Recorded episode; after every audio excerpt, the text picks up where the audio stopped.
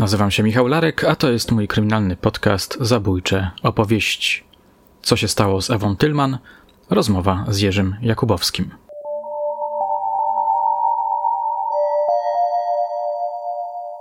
Parę dni temu odwiedziłem inspektora Jerzego Jakubowskiego. Celem mojej wizyty była pogłębiona rozmowa na potrzeby reportażu o Tadeuszu Kwaśniaku. Zanim jednak przeszliśmy do sedna, zagadnąłem go o sprawę Ewy Tylman – Miałem cały czas w pamięci moją rozmowę z jej ojcem. Zacząłem od nawiązania do jego opinii na temat śledztwa. Wiedziałem z naszych wcześniejszych rozmów, że jest dość krytyczna.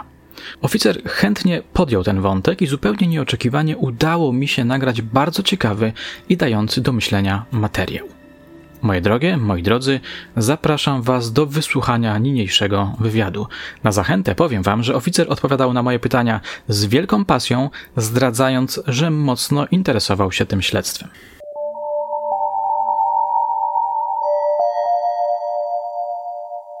Mam bardzo krytyczny stosunek do pracy policjantów w tej sprawie.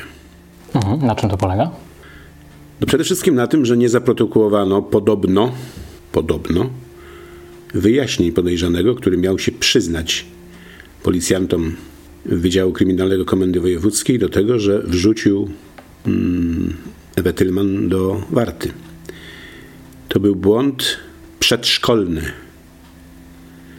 I żadne stwierdzenia, że policjanci Wydziału Kryminalnego nie są od przesłuchiwania i tak dalej, po prostu są, się nie trzyma kupy. W tym samym budynku dwa piętra niżej usytuowany jest Wydział Dochodzeniowo-Śledczy i wystarczyło albo pobiec po kogoś, kto jest piśmienny i potrafi pisać i natychmiast zapisać to, co podobno zatrzymany, a wówczas podejrzany chciał powiedzieć. Tego nie zrobiono. Czekano na prokuratora. Kompletnie tego nie rozumiem to jest błąd dyskwalifikujący tych policjantów. Oni nigdy więcej nie powinni przy takich sprawach prowadzić. Z tego co słyszę, ktoś tam nawet awansował w tej sprawie, to, to już jest w ogóle jakaś paranoja. Tyle.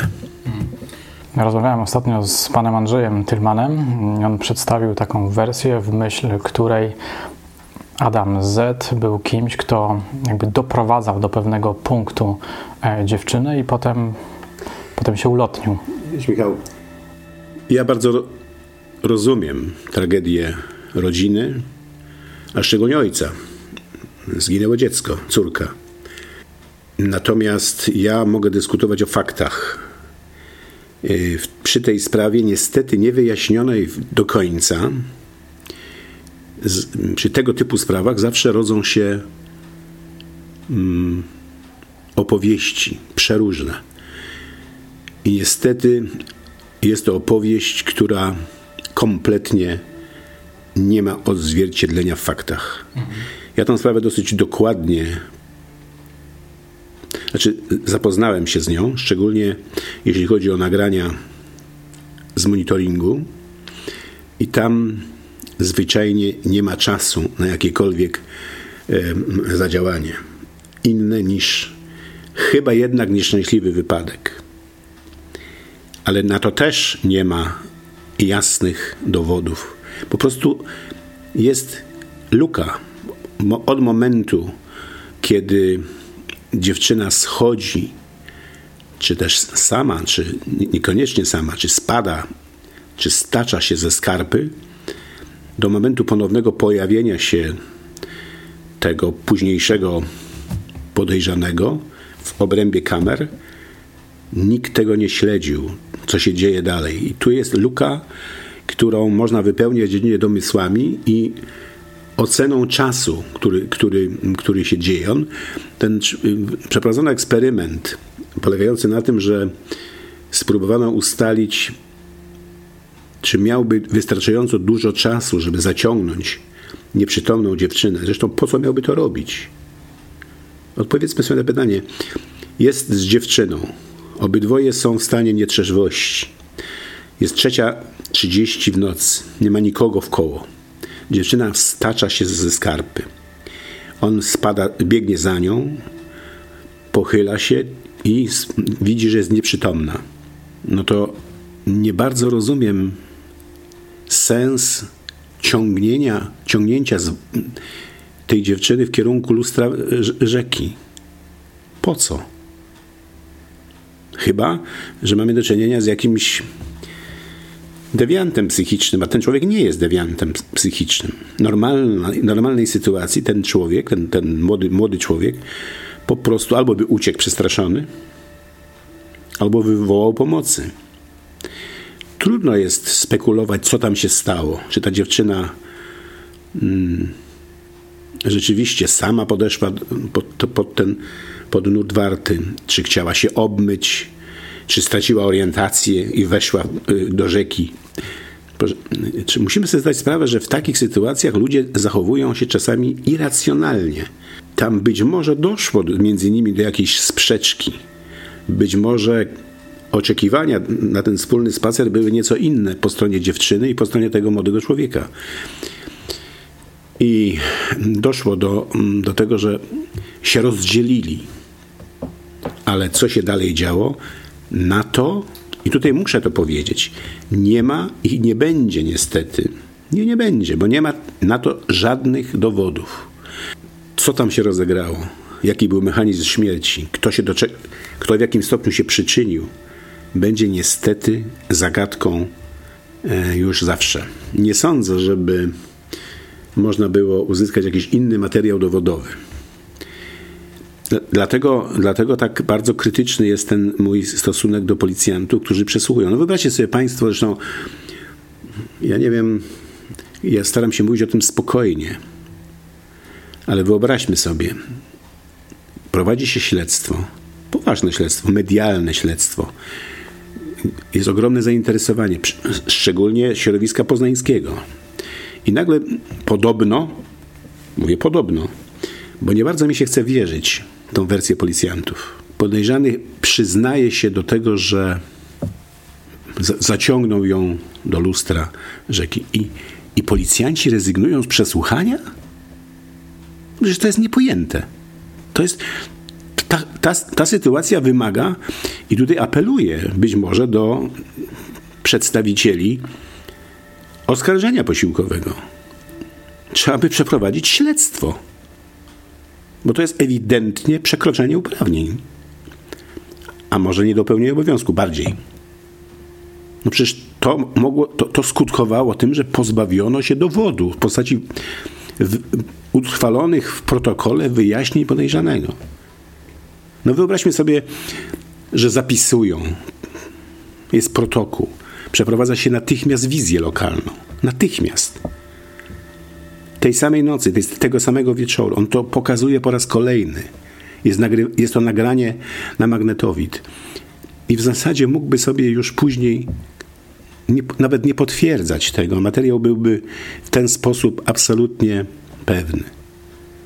Jeżeli by się to, mało tego przesłuchanie tak, tego typu, też musi być nagrywane, no musi być utrwalane. Nie wiem, co tam się stało.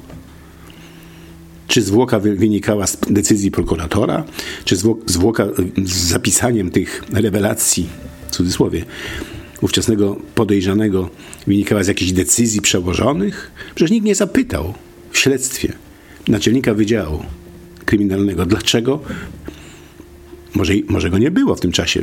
Nie, po prostu to jest dla mnie niepojęte. To jest, to jest taki, taki błąd, że, że, że trudno o tym spokojnie rozmawiać. Mało tego, ten człowiek y, zatrzymany zostaje podjęty z aresztu, z, z izby zatrzymań policyjnej na Starym Mieście bodajże, w godzinach przedpołudniowych. I prowadzi się określone czynności, robi się bodajże zdjęcia. Robią to policjanci Wydziału Kryminalnego. Nie są od tego policjanci Wydziału Kryminalnego. To, to są czynności procesowe. Gdzie jest Wydział Dochodzeniowo-Śledczy? Kto tam prowadził? Kto tam nadzorował postępowanie? Mi jest to trudno, ale ja to mówię, żeby, żeby i to chciałbym, żeby to wybrzmiało. Ja to mówię absolutnie z troską, bo mi zależy na dobrym imieniu policji. Ja pracowałem wiele, wiele lat, prowadziłem najpoważniejsze sprawy. I tego typu, tego typu zachowanie jest dla mnie po prostu niewytłumaczalne. I stąd moja obawa, na podstawie tego, co policjanci powiedzieli prokuraturze że on się przyznał, ale nie zapisali, bo oni nie są od tego. No to jeżeli nie są od tego, to jest kto inny od tego, prawda? Na podstawie tych ich zeznań przedstawiono temu człowiekowi zarzut zabójstwa zamianem ewentualnym. Zniszczono szansę kapitalnego dowodu w postaci pozytywnych wyjaśnień podejrzanego.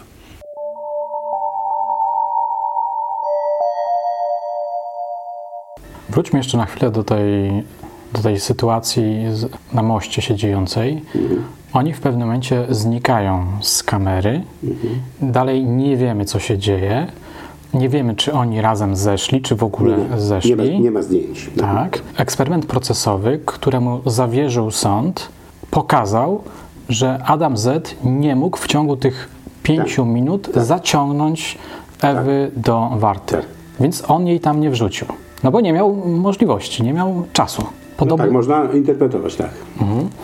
Więc ta wersja, czy może spekulacja, bo na, na, niej, na nią nie mamy żadnych dowodów, że oni po prostu zniknęli z kamer, poszli gdzieś dalej do punktu, w którym na przykład ktoś inny był.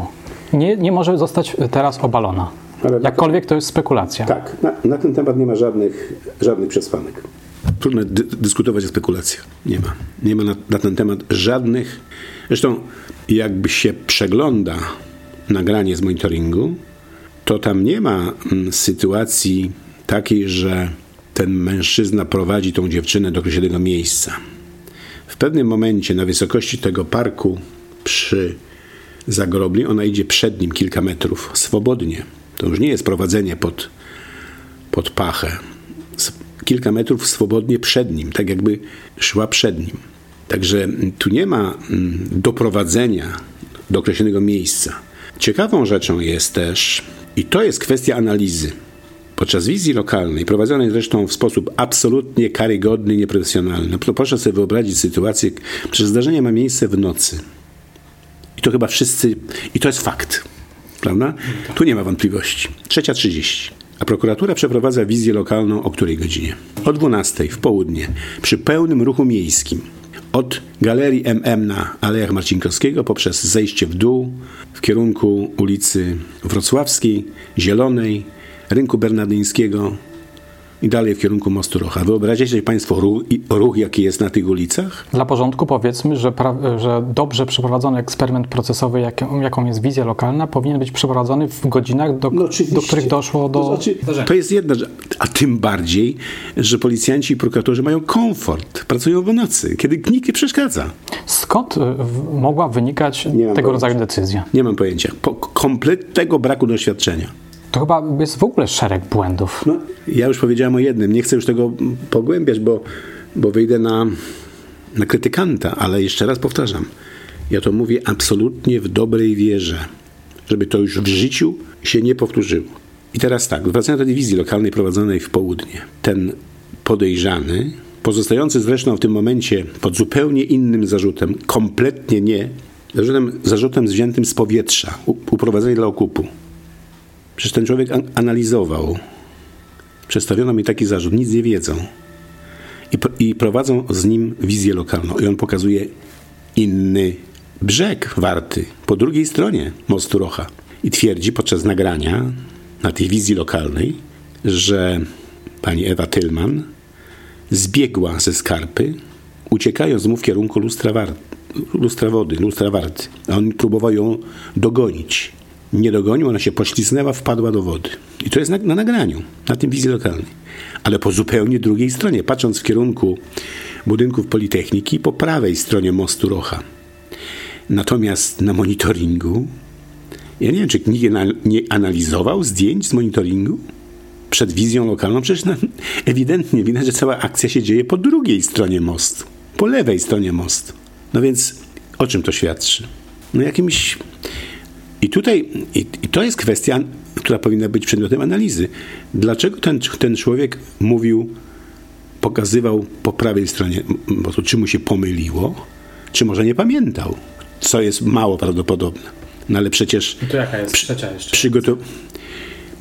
Trzecia opcja jest taka, że on był tak przestraszony tym, co się dzieje wokół, że mówił to, co mu przyszło do głowy. Obserwował tłum gęstniejący po drodze, samochodu, obserwował tłum zbierający się na moście Rocha i chciał jak najszybciej skończyć sprawę. Mówił obojętnie, znaczy to, co mu przyszło, że tak powiem, do głowy. Nikt tego nie, nie skontrował. Przez wizja lokalna to nie jest przedstawienie jednego aktora, to jest konfrontacja zebranego materiału dowodowego. Nie rozumiem. Myślisz, że policjanci mogli mu coś podpowiadać? No ale w jakim, jaki miałby interes policjant pod, podpowiadający źle? Że oni też powinni wiedzieć, chyba że, chyba że monitoring wówczas jeszcze nie był przeglądany. No to w ogóle dla mnie byłoby. Przecież od momentu zaginięcia Ewy Tylman do momentu wizji lokalnej to by minęło kilkanaście dni, bo on nie był zatrzymany od razu. I monitoring można było wcześniej przeglądnąć z różnych kamer. Czy to nie jest, to, jest, to nie jest filozofia.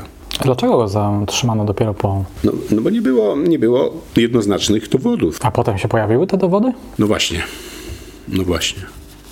Pojawiły się w postaci zeznań policjantów, że podobno ten człowiek się im przyznał. Może inaczej.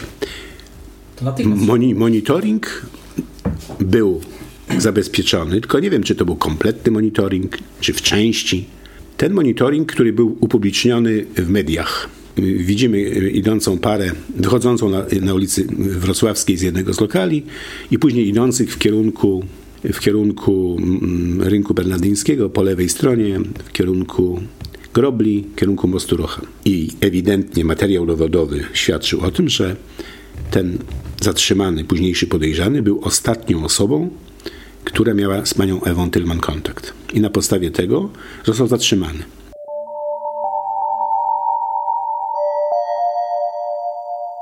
Według Ciebie co się tam wydarzyło? Masz jakąś swoją nie wiem, teorię, wersję, domysł? Według mnie doszło do nieszczęśliwego wypadku. Ale jak, jak do niego doszło? Jak on wyglądał, ten wypadek? Jaka była mechanika tego to, wypadku? To już jest, to już spekulacje. To, jest, to, jest, to już by było z mojej strony mm, wróżenie z fusu. W związku z tym nie chciałbym tego opowiadać, bo to, nie, ponieważ uważam, że nie chcę mówić o spekulacjach, w związku z tym nie chciałbym spekulować, ale wydaje mi się, że doszło tam do, do nieszczęśliwego wypadku polegającego na tym, że ta dziewczyna mm, no, wpadła do, do rzeki, do Warty. Była niestety mocno pod wpływem alkoholu. Coś tam się rozegrało. Nie wiemy do końca co. Czy, mm, czy tam, czy, czy uciekała, czy doszło do jakiej, jakiejś, jakiejś kłótni, jakiegoś, jakiegoś konfliktu między nimi i chciała od niego uciec. Zbiegła na dół z tej skarpy. Potem nie wiedziała, co się dzieje. Jest ciemno. Jest godzina 3.30 listopad.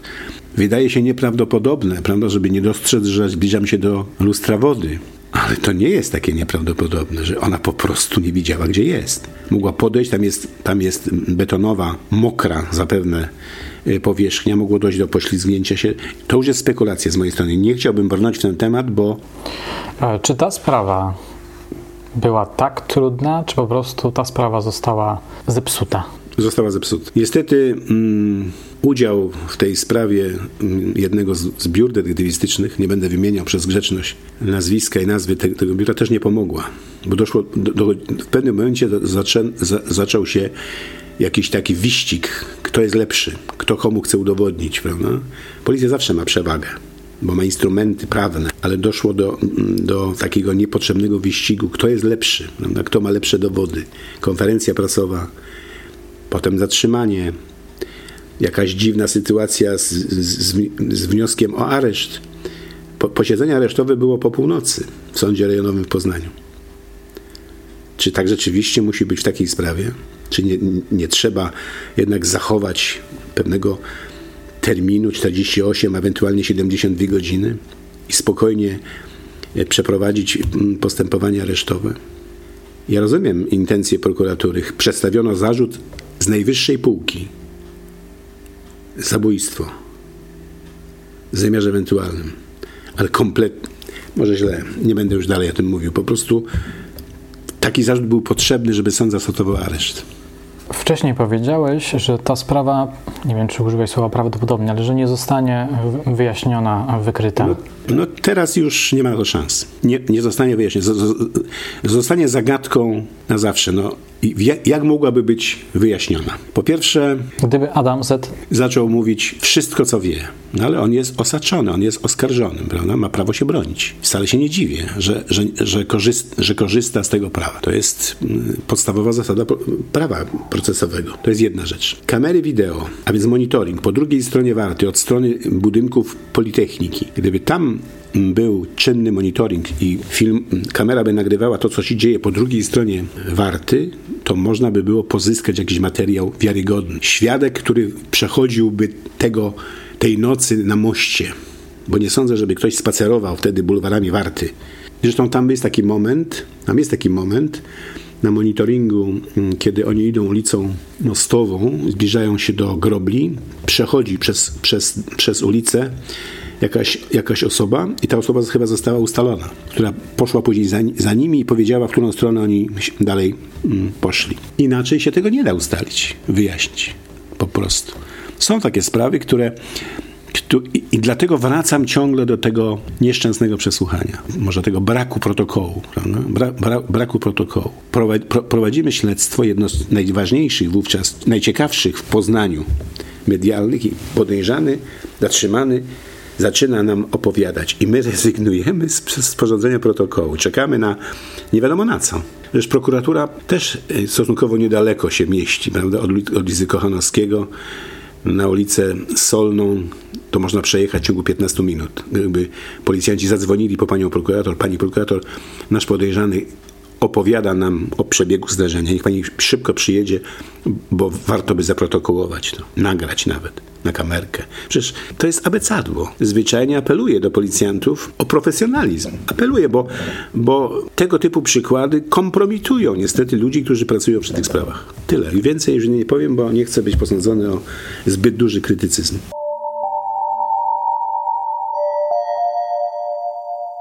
Rozmowę z panem Andrzejem Tylmanem montowałem 7 grudnia. Następnego dnia miała odbyć się rozprawa w poznańskim sądzie okręgowym. Media doniosły, że trwała zaledwie 20 minut. Nie stawili się na niej świadkowie, którzy mieli być przesłuchiwani. Nieobecny był również oskarżony Adam Z. Kolejna rozprawa ma się odbyć 24 lutego 2022 roku. 10 grudnia natomiast zmarł Janusz Szostak. Ta smutna wiadomość zaskoczyła wszystkich jego czytelników, obserwatorów, miłośników czy fanów.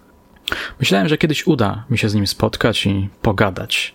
Na przykład o jego reportażu na temat Ewy Tylman. Niestety to się już nigdy nie zdarzy. Nie wierząc cały czas, że jego śmierć jest faktem, chciałbym mu złożyć podziękowania za dobrą robotę. Chciałbym złożyć hołd jego pamięci. I jeszcze na koniec, nawiązując do sprawy Ewy Tylman, wspominałem o jego teorii w rozmowie z panem Andrzejem. Zasygnalizuję teraz, że zamierzam nagrać podcast, w którym zrekonstruuję jego reportaż zatytułowany Zabrała ją rzeka czy ludzie. Dziękuję za uwagę. Do usłyszenia już niebawem.